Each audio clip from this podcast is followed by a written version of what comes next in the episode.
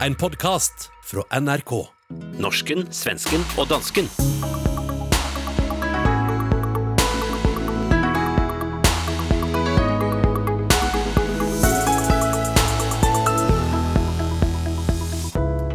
Den som tier samtykke het det før, men nå har både Danmark og Sverige fått en egen samtykkelov. Hvad er det nordmænd ikke forstår? I Sverige ranes ungdommer, og i Danmark diskuteres det om deres tidligere statsminister har mistet forstanden.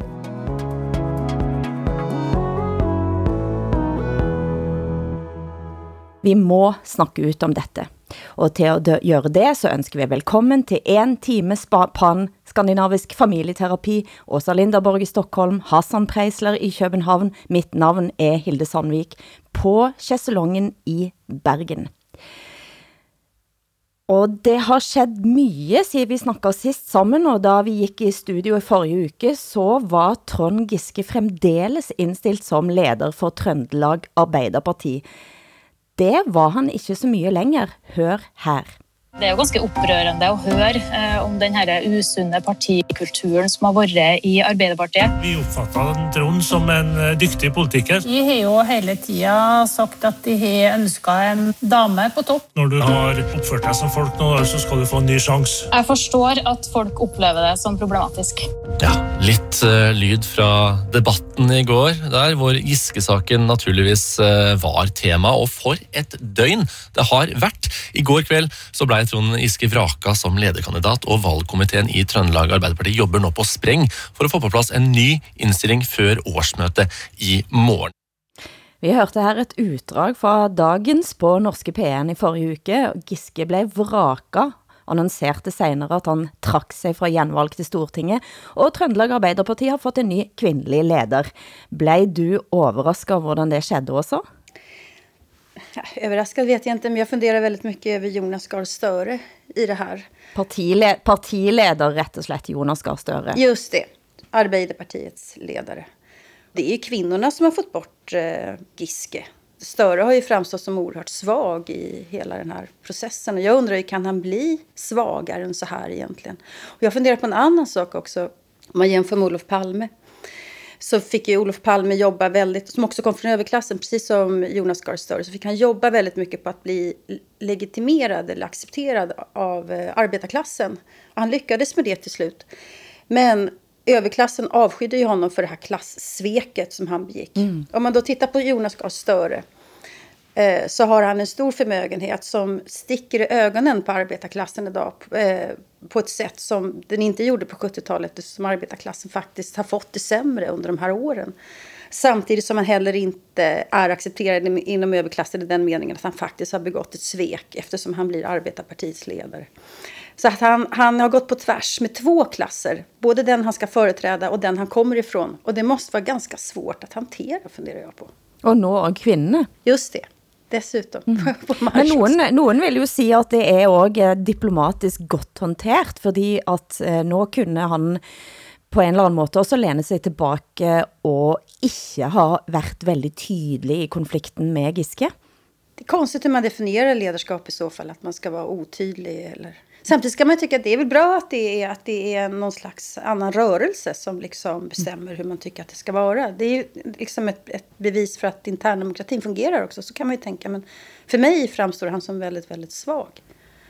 Hvis eh, MeToo var en skandinavisk film, så kunne det nå komme en supertekst Meanwhile in Denmark. Og så vil jeg klippe, klippe til danske debatten, der en parkert og også vingeklipper filmproducent slås for sin plads i offentligheden. Hør et utdrag her. Det interessante ved, at min branche accepterer alle, at der er de facto censur. Altså, der er ting, det sige? ting vi decideret ikke skriver, øh, fordi så Hvad kunne det går være? det ikke igennem systemet. Ja, det kan være, jeg har lige fået øh, set et afslag fra Filminstituttet på et projekt af en fremtrædende filmkunstner, øh, hvor der bliver en, en anmærkning på, at der er en karakter i filmen, der gør nar af Greta Thunberg, altså miljøaktivisten. Altså, øh, det, det er et no-go. Øh, den samme karakter har et negativt kvindesyn. Jamen for helvede, det er en skuespiller i en film. Vi laver altså også film om morder, ikke altså? Så det er jo ikke altid øh, de, øh, de, øh, de søde øh, drenge og pige portrætterer. Så vi ved i min branche, at der er masser af ting, vi overhovedet ikke skal skrive. Så vi har pålagt os selv en censur for at få vores ting igennem øh, mediemaskinen. Det vi hørte her var den verdenskjente danske filmproducenten Peter Aalbæk Jensen, som måtte gå av som administrerende direktør i filmselskapet Centropa efter at blive anklaget og indrømmer blandt andet og har klasket ansatte systematisk på numsen i 25 år. Hvilken akt i Peder Aalbæk Jensens karriere er det vi er i her, Hassan? Er dette og et forsøg på comeback? Altså, Peter Aalbæk har, har sagt de her ting gennem mange år. Altså, Peter Olbæk er nok den første person fra de her brancher, som udtaler sig som en whistleblower på branchen, om branchens indspisthed og nepotisme og selvcensur. Det, der er fantastisk, det er, at hver gang Peter Olbæk kommer med de her fortællinger om de danske kunstbrancher, så kommer der sådan en, en kollektiv reaktion fra kunstbranchen. Ikke? Når han siger, at der er en, en lille elitær klub, som øh, udfører et holdningsdiktatur på sig selv og andre, så, øh, så stemler de her mennesker sammen i en flok og råber, vi eksisterer ikke, Øh, og og når, når enkelt individer poster det her statement på Facebook, så får det hundredvis af likes fra medlemmer af kunstbrancherne. Og rigtig mange af støttende statements, som alle sammen siger, nej, det er rigtigt, vi findes ikke, øh, du har så meget ret, nej, vi gør ej, vi er ikke en lille lukket klub, we are all individuals. Eh, altså er denne brutale åbenheten, som han også praktiserer, han prøver jo heller ikke at rise, vri eh, sig under. Han kalder sig blandt andet sexgangster. Har Giske her nu at lære også? det vet jag inte.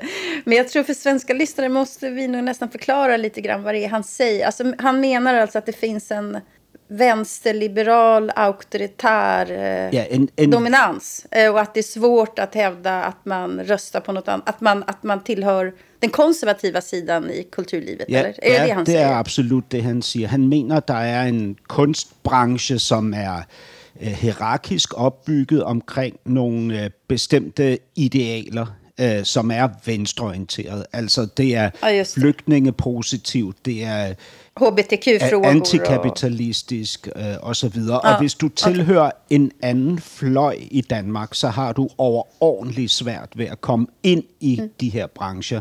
Og det bedste, mm. du kan gøre, det er at være meget hemmelig omkring, at du for eksempel har stemt på Dansk Folkeparti. Jag förstår.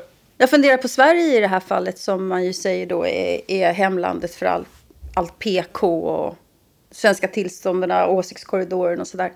Det här är ju väldigt känsligt att prata om naturligtvis. Men jag skulle också säga att det har funnits en slags ideologisk korruption kan man säga. Mm. Eh, kring vissa, vissa värderingar som alla kretsar kring alla människors lika värde. Och det har varit ganska luddigt på något sätt. Mm. Men samtidigt väldigt auktoritärt. Men eh, nu ser vi i Sverige att de högerintellektuella kommer på bred front Eh, och på ett mycket intelligentare sätt än tidigare diskuterar de här frågorna som vänstern och liberalerna inte vill prata om. Eh, och, och inte har resurser att prata om heller eftersom vi har sagt i så många år det här ska vi inte prata om. Eh, jag tror att eh, hela det här intellektuella samtalet i Sverige det är på väg att brytas upp. Det är, det är både bra och dåligt skulle jag säga. Ganska spännande i alla fall. Jag, jag, tror, jag tror i Danmark äh, vill äh, den her branche nok påstå, at der ikke findes nogen højere intellektuelle. Altså, at der simpelthen ikke er nogen reel øh, opposition til, til, til det regime, de er. Øhm, I øvrigt, så har, de, så har Men... man jo i de, her, i de her fagområder, der har man sådan en fortælling om sig selv, at man, at man ikke er politisk Altså, at det man er, er en form for neutralitet, hvorfra alting udgår. Ikke? Altså, øh, at, at hvad kan man sige, at det ligesom er, man har nogle fundamentale synspunkter, som er så fundamentale, at de er rodfæstet i selve menneskesjælen. Ikke? og at, at alt i opposition til det er, er politisk, ikke? men at man ikke selv er det. Det er meget specielt. Mm. Danmark har jo på mange måter også været det sted i Skandinavia, som man har haft veldig mye mer polariseret debatt, eller debatt på begge sider är mitt intryck. Det är mitt intryck också. Jag, jag, alltså när Hassan pratar om Danmark så känner jag inte igen Danmark överhuvudtaget. Men, Nej, men, men, men jeg, jeg, altså, jeg kommer jo fra de her kulturbrancher, ikke? Øh, og i dem medregner jeg ikke medierne. Hvis jeg gjorde det, så vil jeg give jer ret. Ja. Der er meget, meget bredere repræsentation i mediebilledet, end der er i kunstbilledet. Altså kun, kunstbilledet er, ja, nu tillader jeg mig at sige det, kunstbilledet er 100% venstreorienteret. Här kommer ju strålkastarljuset direkt på dig Hassan. För att eh, i Sverige så undrar ju de lyssnarna, var står du själv politiskt någonstans? För då, det är svårt att placera dig på en ideologisk karta, eh, tycker många. Så var skulle du själv sätta ner dina fötter? Jamen altså... Eh, om du fick uttrycka det nu. Jamen, eh, altså, jeg, jeg kan bedst beskrive det sådan her. Altså, jeg er søn af to meget, meget forskellige forældre, som blev skilt.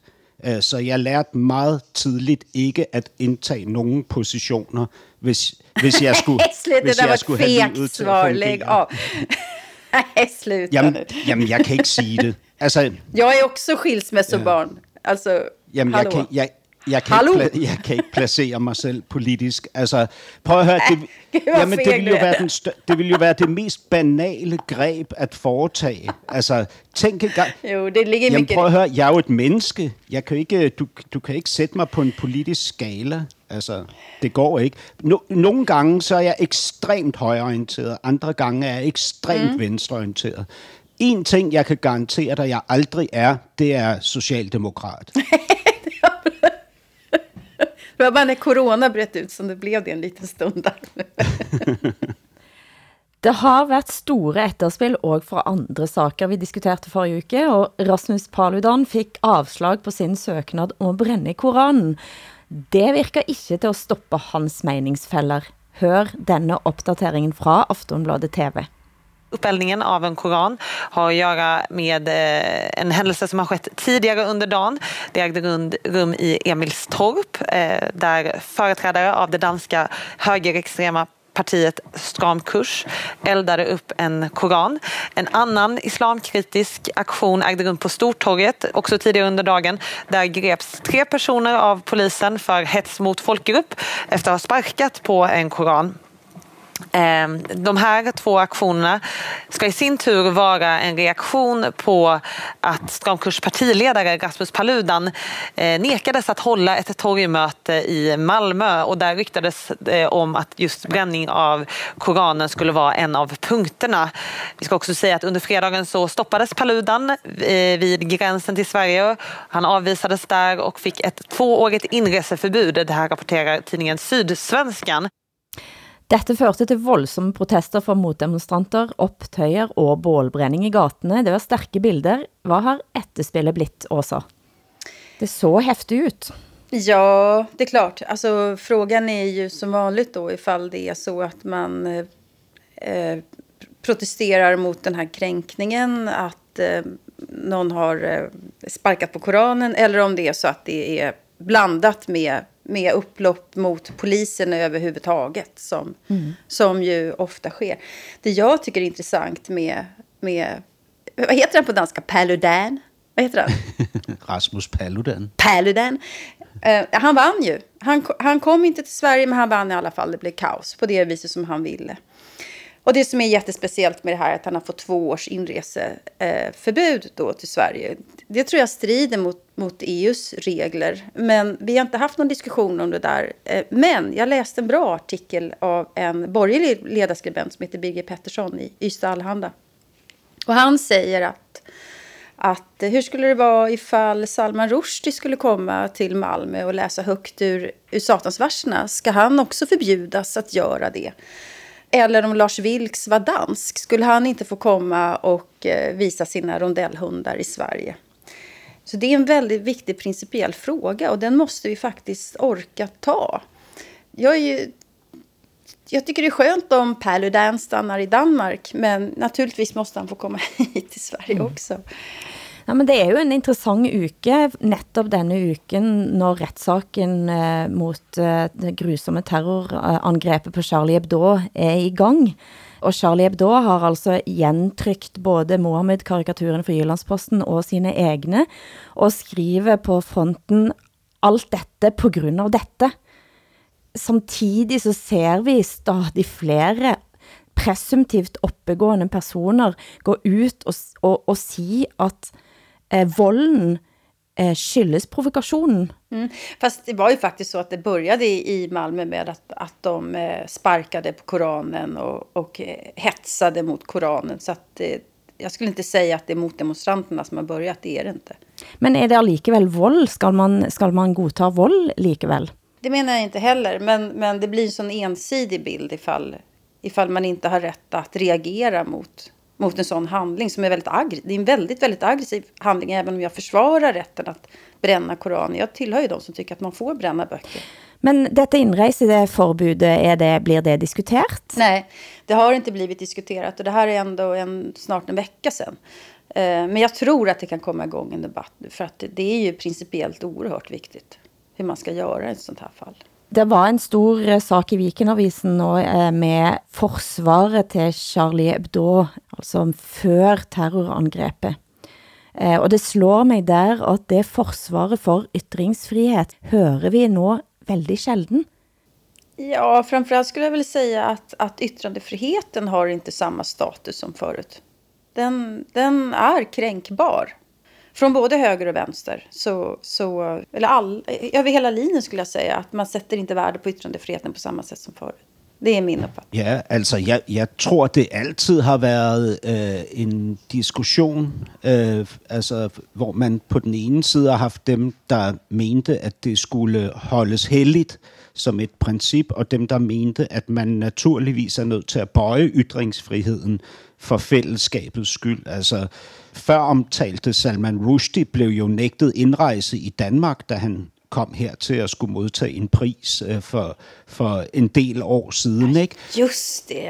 Øh, af den simple årsag, at man ikke ønskede at forstyrre det store fællesskab. Ikke? Altså husfreden blev det væsentligste. Ikke? Og det ser vi jo igen og igen, og det er jo også for mig personligt en indre kamp, altså mellem ro og fred og tryghed og stabilitet på den ene side, og så et princip, som i nogle tilfælde kan føles overflødigt. Ikke?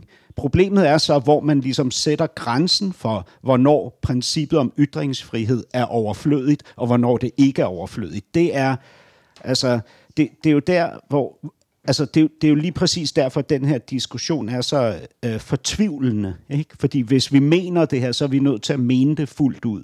Ikke?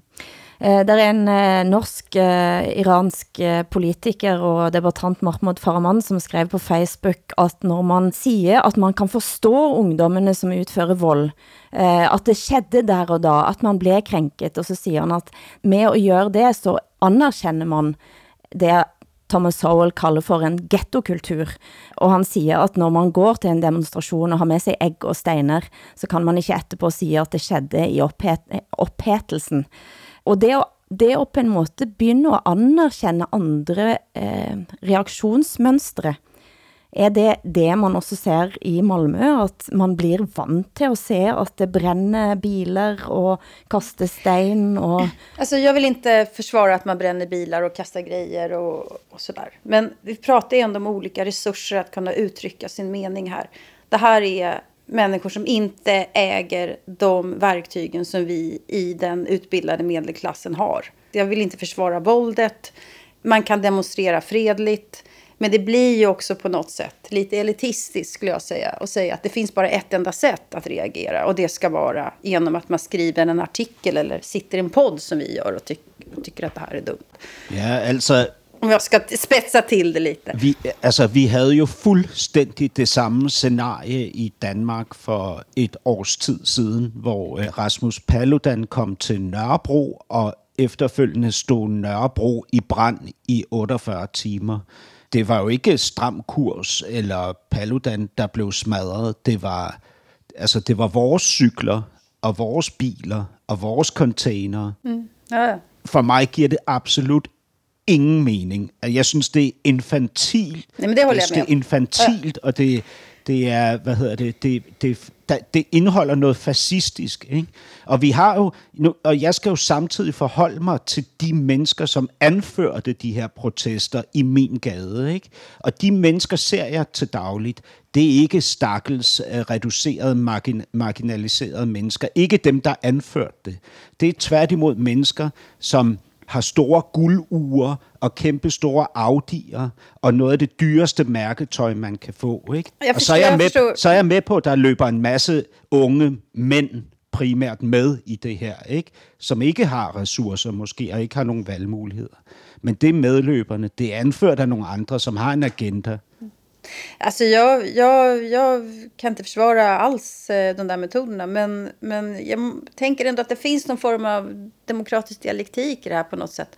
Om det kommer människor, om pa Paludan kommer och verkligen vill ställa till kaos. Alltså han behöver ju inte bränna Koranen just där. Han, ut, han utför ju en aggressiv handling. Men de allra, allra flesta muslimer eh, lever uten å gå ut i gaten og kaste stein av at vite Absolut. at nogen brænder Koranen. Det... De aller fleste gør det.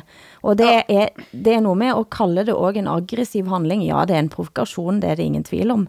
Men är det, är det en aggressiv handling? Ja, jag tycker att det är en aggressiv handling att sparka på Koranen, men jag tycker att man ska ha rätt att göra det. Men jag tycker också att man ska ha rätt att protestera. Och här har vi olika resurser beroende på vilka vi är och var vi bor och eh, alltihopa det där. Problemet är ju att det är så mycket aggressioner i de här samhällena. Uppdämt behov av att liksom protestera mot eh, överhuvudtaget vad man uppfattar som majoritetssamhället. Kan, och det skapar bara rasism och det skapar bara eh, krav på att man ska köra in militären i förorterna och sådär som man pratar om i Sverige. Rasmus Paludan skulle også ha været i Oslo i forrige uke og deltaget på det han kaldte en krænkefest sammen med Stopp Islamisering eh, av Norge. Eh, de havde nok en demonstration. Han blev ikke stoppet med grænsen av eh, en generell holdning, men rett og slett av smitteværnsregler. Hvilken tur da. du hører norsken, svensken og dansken i SR, DR og NRK. Men vi skal altså tilbage til det yndige land og tilbage til MeToo, for den store snakkesen i Danmark denne uken har været komiker og tv-personlighed Sofie Linde. Da hun var vært for den store årlige komikerprisuddeling på TV2, så sa hun følgende. Jeg har været i mediebranchen i 12 år, og øh, hvis vi nu skal være ærlige, og det skal vi jo, så har jeg mødt ekstremt mange magtfulde mænd, der har været pisseulækre. Det har jeg, og jeg prøver igen, jeg vil ikke ødelægge den gode stemning. Jeg skal nok lade være med at være for specifik. Men altså, jeg, jeg kan jo lige fremhæve, jeg kan jo lige fremhæve en historie. En historie fra dengang, jeg var 18 år gammel, og lige var startet i Danmarks Radio. Og helt vildt lækker, bevares. Overhovedet ikke gravid, ligesom nu. Jeg blev lige startet i Danmarks Radio. Vi skulle til julefrokost, og jeg havde glædet mig. Og så kommer der den her store tv-kanon op. Tager fat i min arm og siger, hvis du ikke går med ud og sutter min pæk, så fucking ødelægger jeg din karriere. Så ødelægger jeg dig. What? Jeg er ret sikker på, at du kigger på mig lige nu. Du ved godt selv, hvem du er. Du ved også godt, at jeg sagde nej. Men altså, det gik jo meget godt alligevel. Gjorde det ikke? Det var altså TV-vært Sofie Linde der på TV2 i forrige uke. Hvilke etterspil har det fått hos dere? Jamen altså, øh, som jeg ser det, så har det fået et ekstremt efterspil. Altså, det er jo eksploderet i samtlige medier, det her. Øh, på, i alle mulige retninger. Og på SoMe, der oplever man tidligere gode venner og naboer nu ligge i krig med hinanden øh, øh, i forhold til de forskellige holdninger, man kan indtage til det her. Altså, der er mennesker, der gerne vil nuancere det og åbne debatten for mange perspektiver, og så er der altså rigtig mange mennesker, som øh, helst vil have, at man indtager et af to standpunkter til de her statements, og det er, øh, enten er du med Sofie Linde, eller også er du mod Sofie Linde. Ikke? Så det er en virkelig betændt debat, der foregår i Danmark lige nu. Det er klart, at nogle af de sensationelle medier, de, øh, de spekulerer jo i, hvem denne her chef, den her tidligere tv-kanon, mon er. Altså, er han stadig på Danmarks Radio? Øh, har han gjort det her over for mange andre kvinder? Mm. Hvilken angreb har kommet? Jeg vil tippe, at du har fået ganske mange støttespillere, men hvad siger øh, modstemmene? Jamen altså, de allergroveste modstemmer, de siger, at hun kun gør det her, fordi hun savner opmærksomhed. Ikke? Øh, men, men ellers så vil jeg sige, at der, hvor øh, Øh, argumenterne er vægtigst, det er øh, der, hvor man siger, hvor, hvor enkelte siger, vi bliver nødt til at finde ud af, hvem denne her mand er. Altså, det er det, der er afgørende i denne her sammenhæng. Ikke? Og når Sofie Linde siger, øh, jeg har mødt ekstremt mange magtfulde mænd, der har været pisse ulækre, så bliver vi nødt til at finde ud af, hvem de ekstremt mange magtfulde mænd, der har været pisse ulækre, var, för att komma vidare. Men det här är ju bara att eh, metoo-diskussionen går igång igen på nytt. Den var ju inte så stark i Danmark som den var i Sverige. Men jag funderar över det här. Jag tycker ju inte att man ska kunna stå och säga sådär som Sofie Linde har gjort i den meningen att alla män plötsligt, eller väldigt, väldigt många män plötsligt blir misstänkta. Eh, det kan vara den, det kan vara den, det kan vara den. Å andra sidan så skulle jag ju säga att det här är väl ett exempel på att det faktiskt finns patriarkala strukturer. Det finns inga kvinnliga mediechefer som skulle säga att du måste slicka min fitta för att annars ska jag ödelägga hela din karriär. Det händer inte. Det finns patriarkala strukturer som syns i, i, i lönesystemen och massa andra sätt. Eh, men det betyder ju inte att alla metoder ska vara är, är rätta och riktiga. Men det, det er jo også det, uh, Sofie Linde gør den dag, hvor hun stiller sig op foran det her publikum og tv-kameraerne og fortæller den her historie. Det er jo, at hun forsøger at brede det ud. Hun tager uh, tre diskussioner på én gang. Den ene handler om seksuelle overgreb. Den anden handler om kropsaktivisme, altså hun, hun hiver op i sin okay. kjole og viser sin gravide mave, og den tredje handler om ligeløn, fordi hun kommenterer på, at hun ikke engang tjener halvdelen af, hvad dommeren i X-Factor Thomas Blackman tjener. Ikke?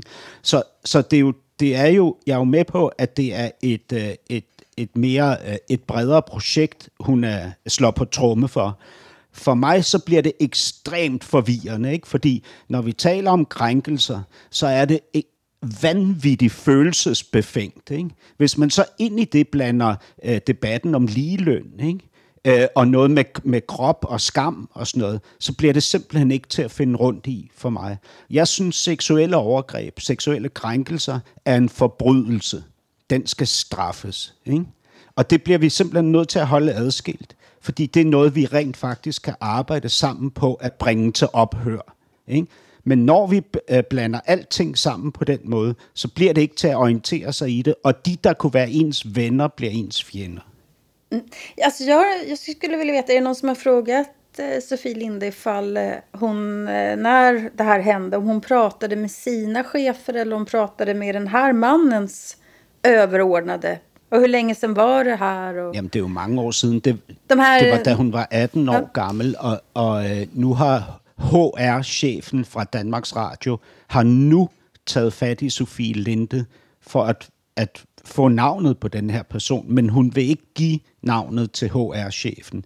Og det tyder jo på, at hun rent faktisk ikke har forsøgt at arbejde inden for strukturen på at komme det her til livs. Ikke? Ja, men det här visar också att om hon inte ger namnet så visar det också att hon faktiskt inte vill eh, eh göra den här mannen arbetslös och stigmatiserad. Så kan man också tänka faktiskt. Ja, ja. Hon gjorde det som ett statement, men hon var egentligen inte ute efter en person, eller? Uh, ja. Jeg tænker på den måten, ja. Ja, altså jo, det kan man godt tænke. Når, når vi taler om det her, altså med, at det her skulle være beviset på, at der findes patriarkalske strukturer, så vil jeg sige, at på trods af, at jeg er mand, så er jeg ikke en del af den patriarkalske struktur, fordi jeg begår ikke overgreb. Jeg foretager ikke krænkelser af kvinder, når jeg går på arbejde. Så jeg er ikke en del af den patriarkalske struktur.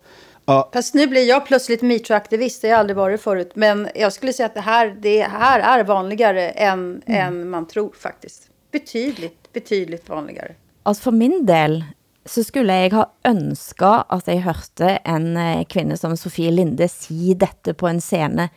Eh, fordi det er med både på at ufarliggøre det, og hun gør det veldig vittig. Altså man kan le av henne undervejs. Hun tar væk den skammen, som man sitter og kender på, og den følelsen, som man får, eh, når eh, en blir udsat for denne type utsagn, er skam, sant?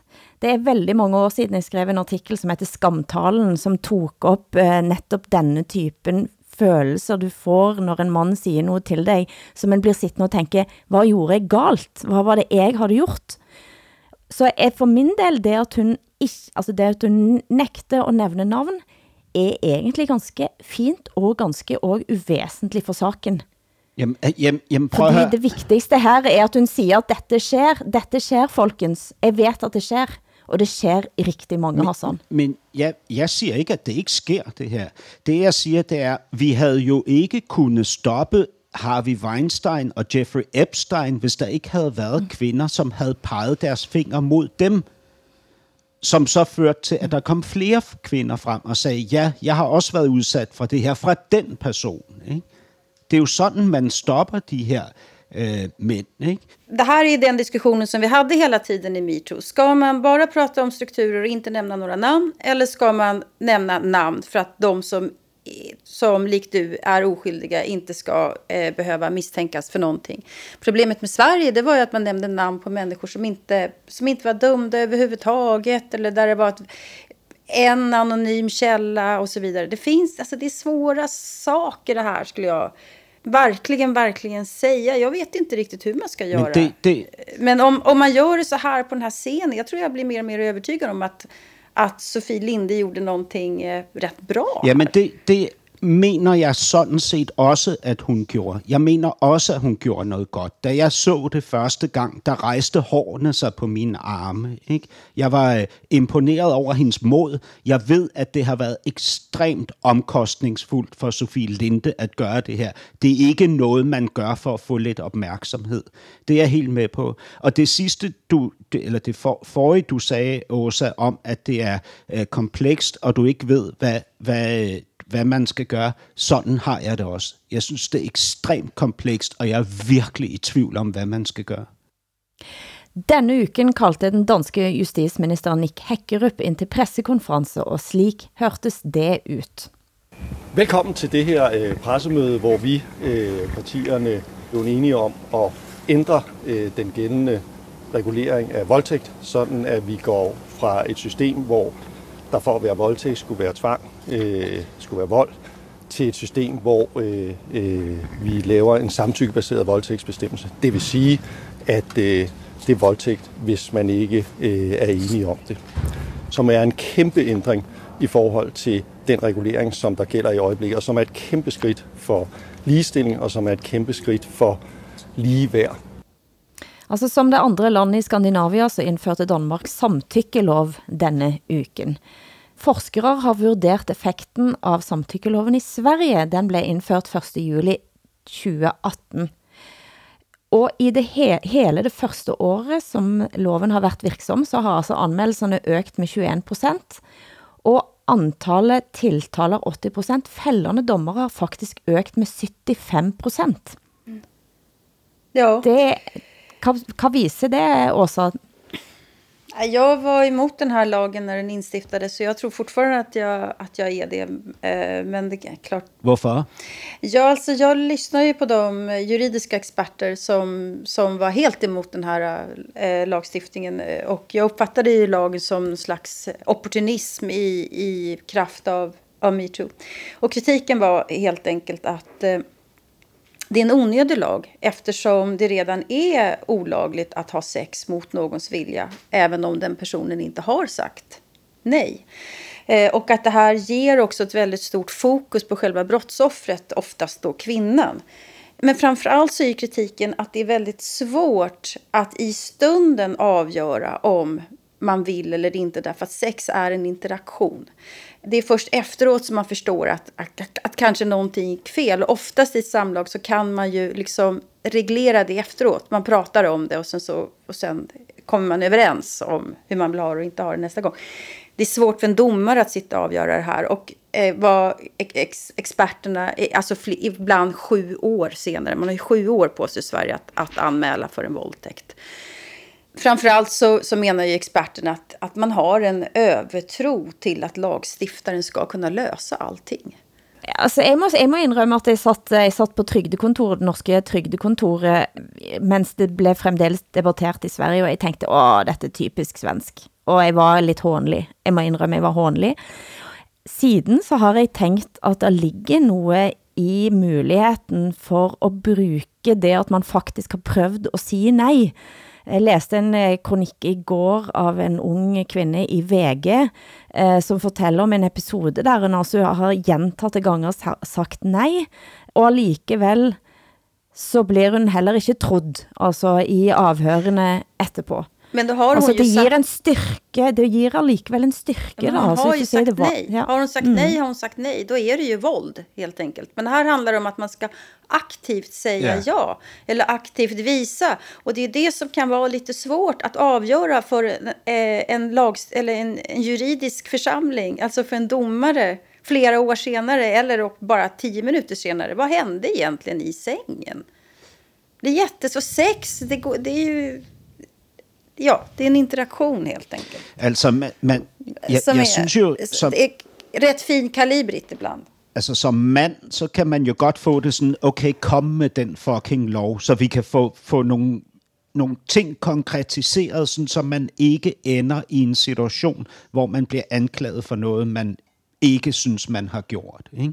Altså, øh, og, og hvad hedder det, hvis jeg, hvis jeg var helt ung og skulle i gang med, med, med at, at have et, øh, et sexliv, øh, som skulle etableres ved kontakter med nye kvinder og sådan noget, så ville jeg læse op på den her lov, inden jeg gik i gang, sådan som tingene er nu. Ikke? Og så ville jeg simpelthen sikre mig undervejs, at der bliver givet udtryk på den måde, som loven siger, for at det her er øh, noget, som den anden samtykker. Ikke? Det er jo så med lyde, eller berøringer, eller ord. Ikke?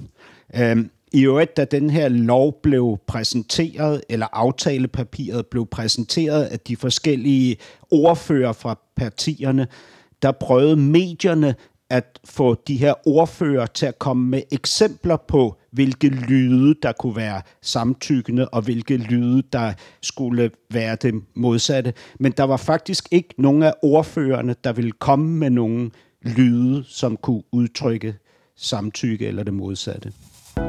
Du hører norsken, svensken og dansken. Programmet blir sendt i Danmarks Radio, Sveriges Radio og Norsk Rikskringkasting.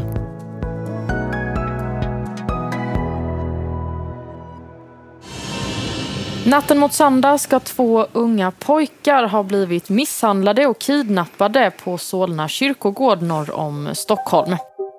Ja, det ska ju ha varit en förbipasserande som på något sätt har upptäckt de här killarna. Och vittnet har ringt polisen Eh, som sedan var ganska snabbt på plats.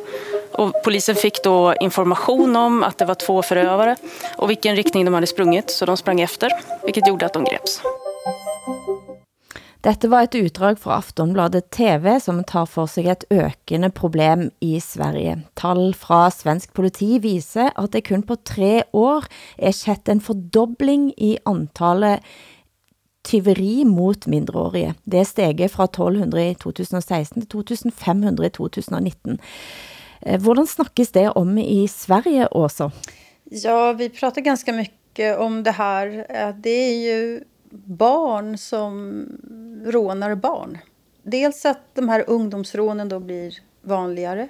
Men sen också att de blir våldsammare och att de dessutom börjar innehålla ett eh, mått av eh, förnedring. Alltså att man inte bara tar mobiltelefonen utan man dessutom kissar på dem. Eller kör runt med en bil i flera timmar och gör dem vettskrämda. Og her var det altså på et, en kirkegård de ender op på. Här var det en kyrkogård där, där eh, man rånade och sen våldtog. Sen kan man filma det här och lägga ut det på Snapchat. eh, Så att den totala förnedringen är... Alltså det här, det går inte ens... Det, det, jag- man, jag hittar inte ens ord för eh, hur förnedrande och otäckt det här måste vara för de som drabbas av det. Altså disse tallene læste jeg i Vikenavisen, som jeg eh, refererte til i stad. Og det er en problemstilling som danske aviser er optaget av i veldig stor grad. Synes du at danske medier har svartmalt Sverige også? Jag, jag vet inte. Jag tror att vi har fördomar om, om all, alla våra länder och kanske också om oss själva. Men eh, det här är ju en fråga som man faktiskt måste prata om. Och, eh, sen finns det de som säger så att nej, men så farligt är det inte. Hur många exempel finns det? Och så där. Det finns nog fler exempel än, än eh, vad vi känner till, tror jag. Och eh, jag, jag litar, på, litar på polisen när polisen säger att det här är ett ökande problem. Der er jo helt klart en fortælling i Danmark om, at der i Sverige foregår en masse af det, vi ville kalde indvandrerkriminalitet, som man ikke taler om. Altså blandt andet det her med den her fornedrende adfærd.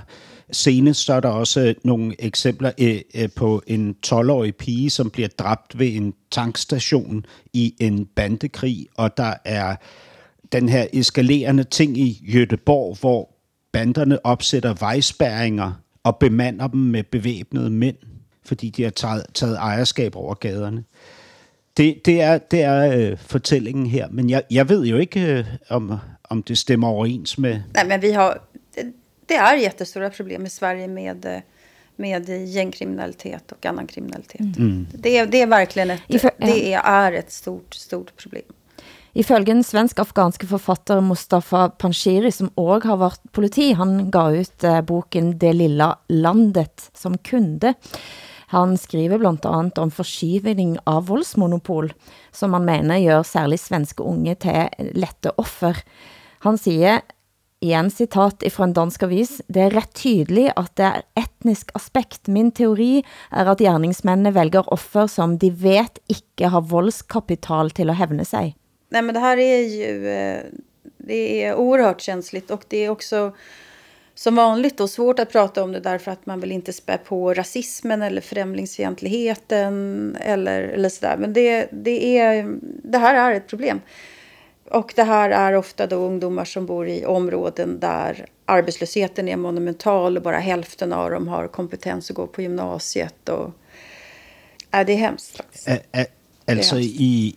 øh, Jeg vil gerne spørge dig, Åsa, fordi i Danmark, der har vi, øh, ud over den her øh, ting, du fortæller om, at der ikke er konsekvens, fordi de her drenge, der bliver udsat for de her fornedelser, ikke har en bande eller en familie bag sig, der kan gribe ind. Nej, nej. Så har vi også en fortælling i Danmark om, at der heller ikke bliver straffet på øh, samme måde, som der gør i Danmark. Altså, vi har jo i Danmark vores bandepakke, som gør, at man faktisk bliver straffet øh, dobbelt så hårdt, hvis man begår øh, kriminalitet øh, som en del af sin bandeaktivitet. Ikke? Og for nylig, der var der faktisk to svensker, der blev dømt hårde domme i retten i Glostrup for mor. Øhm, øh, et bandemor. Den ene fik livstid, og de to personer, som var 17 år på gerningstidspunktet, de blev hver sendt 20 år i fængsel. Og, og hvad hedder det tilsvarende, så siger man jo i Sverige, at straffen er meget, meget lette. Ikke? Der var en, en svensk-somalisk øh, bande, som skød og dræbte øh, en anden fyr. Drabsmanden, øh, han blev idømt tre års ophold på en lukket ungdomsinstitution. Nej, men så, så är det ju att eh, ni har hårdare straff för, för unga människor i Danmark än vad vi har i Sverige. Och det här, eller det är ju väldigt många unga som skickas ut att, att begå de här våldsdåden därför att de inte kan eh, dömas till hårda fängelsestraff. Att man, man utnyttjar det här. Men med det sagt så är det så att i Sverige så har vi höjt straffen flera, flera, flera gånger under flera år. Det, finns, och det är den socialdemokratiska regeringen nu senast som har höjt straffen mer än någon annan regering har gjort. Men kriminaliteten fortsätter i alla fall. Så det krävs ju liksom andra åtgärder för att, att eh, komma till rätta med det här. Och det säger också polisen att man måste ha ett förebyggande åt, eh, åtgärder som har att göra med att bostadsområdena kan inte fungera på det här viset. Arbetslösheten kan inte vara så här stor. Eh, skolan kan inte vara, fungera på det här viset, etc. etc. Men det här är det är ett superstort problem. Vi har haft tre mord på sju veckor i, i eh, det som kallas då för Järvaområdet. Eh, Husby, Rinkeby, Tensta. Och det är rivaliserande gäng och, och, polisen uppger att det är 5 000 personer i Sverige som ingår i vad man kan kalla då någon form av gängkriminalitet. Och det är oerhört många och 1500 bara i Stockholm.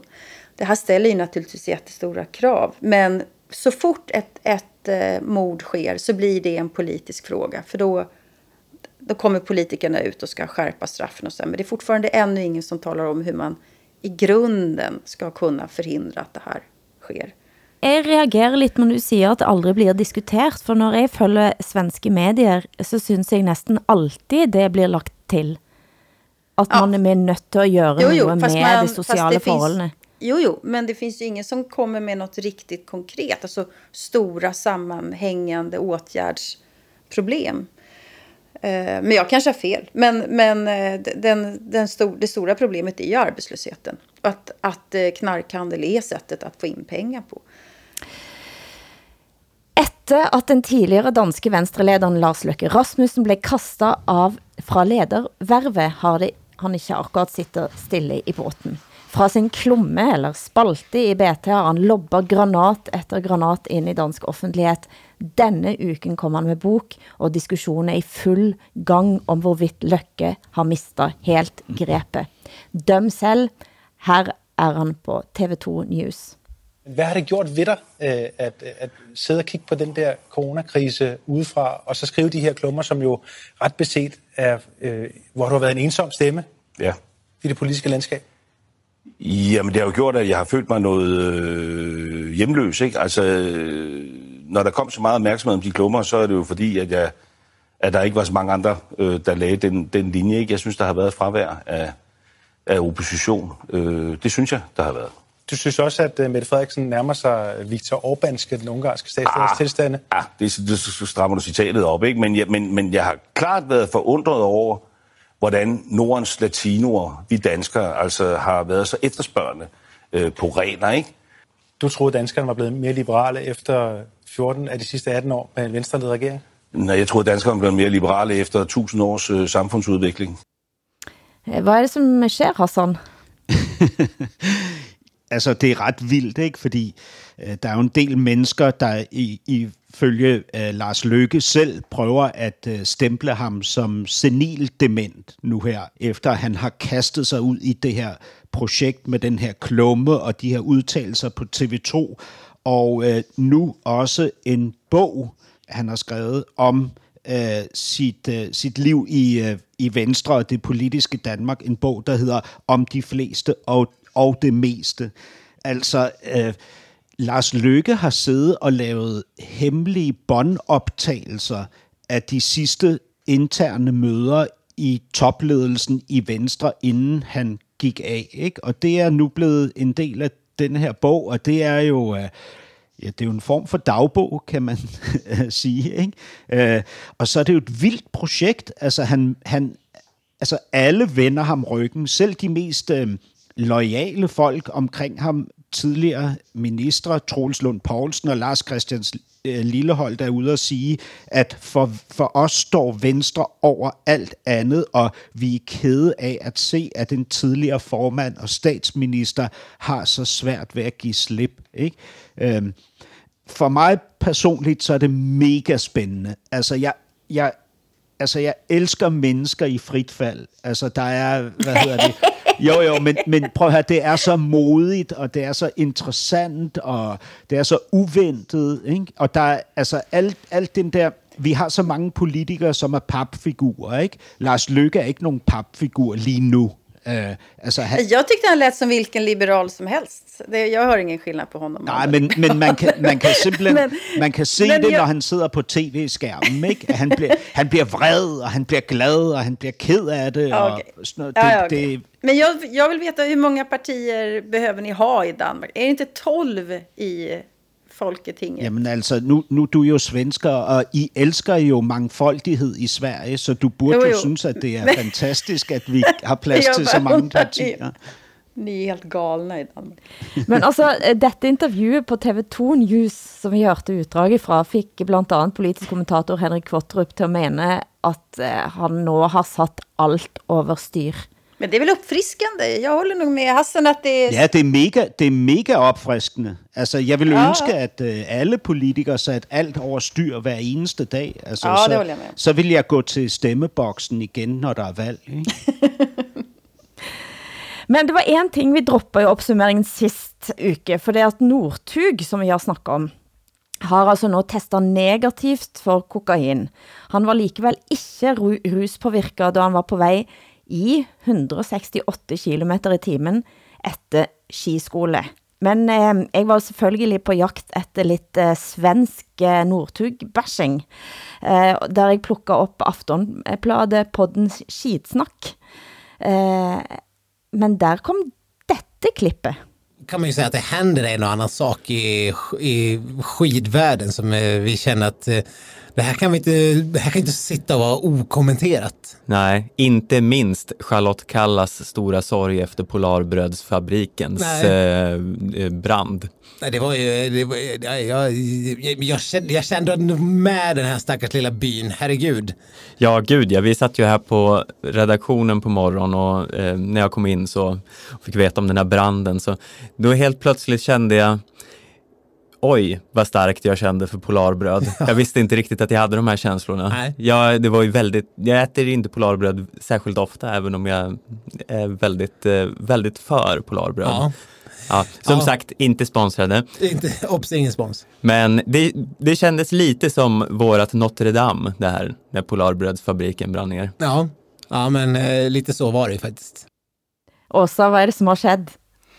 I den väldigt lilla byn, Älvsbyn med 5000 invånare så finns det en bageri som gör polarbröd som är en slags, eh, tun, slags tunnbröd kan man säga med väldigt mycket fänkål i det gott.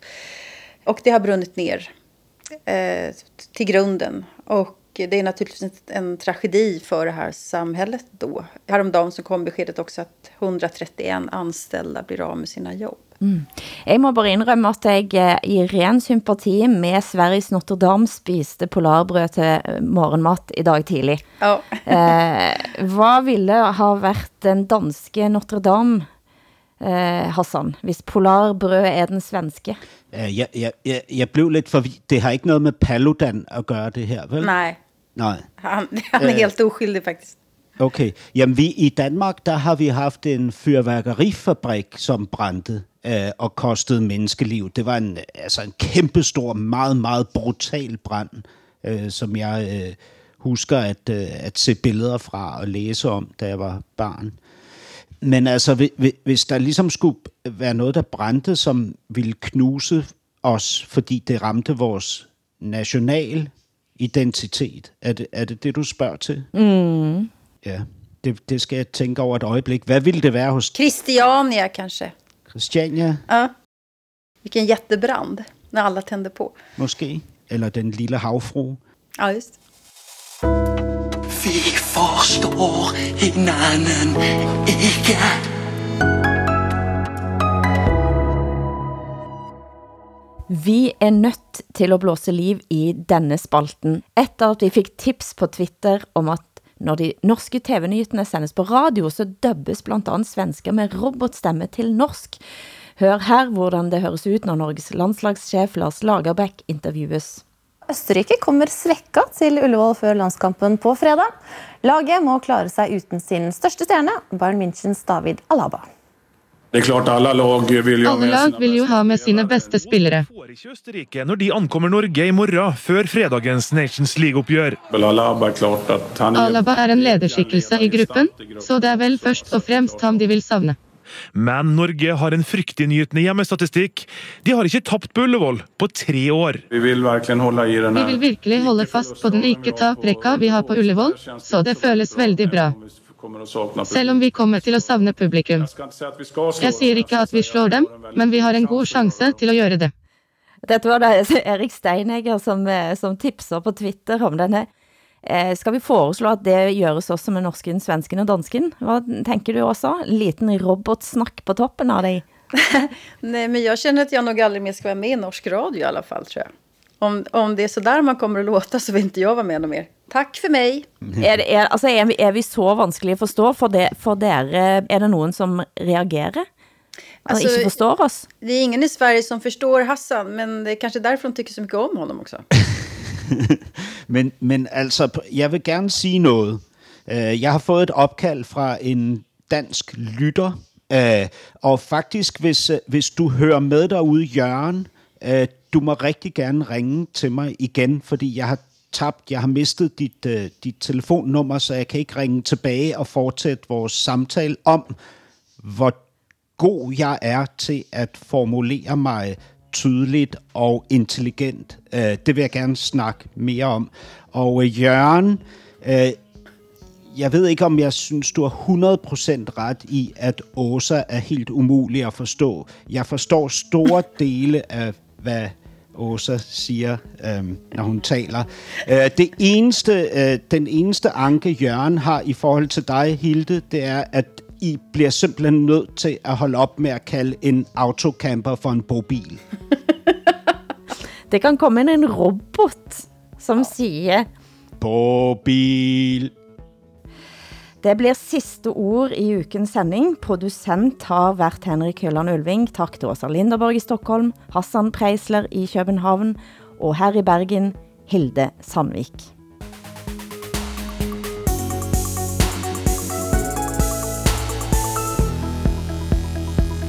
Du har hørt en podcast fra NRK. Hør flere podcaster og din favoritkanal i appen NRK Radio.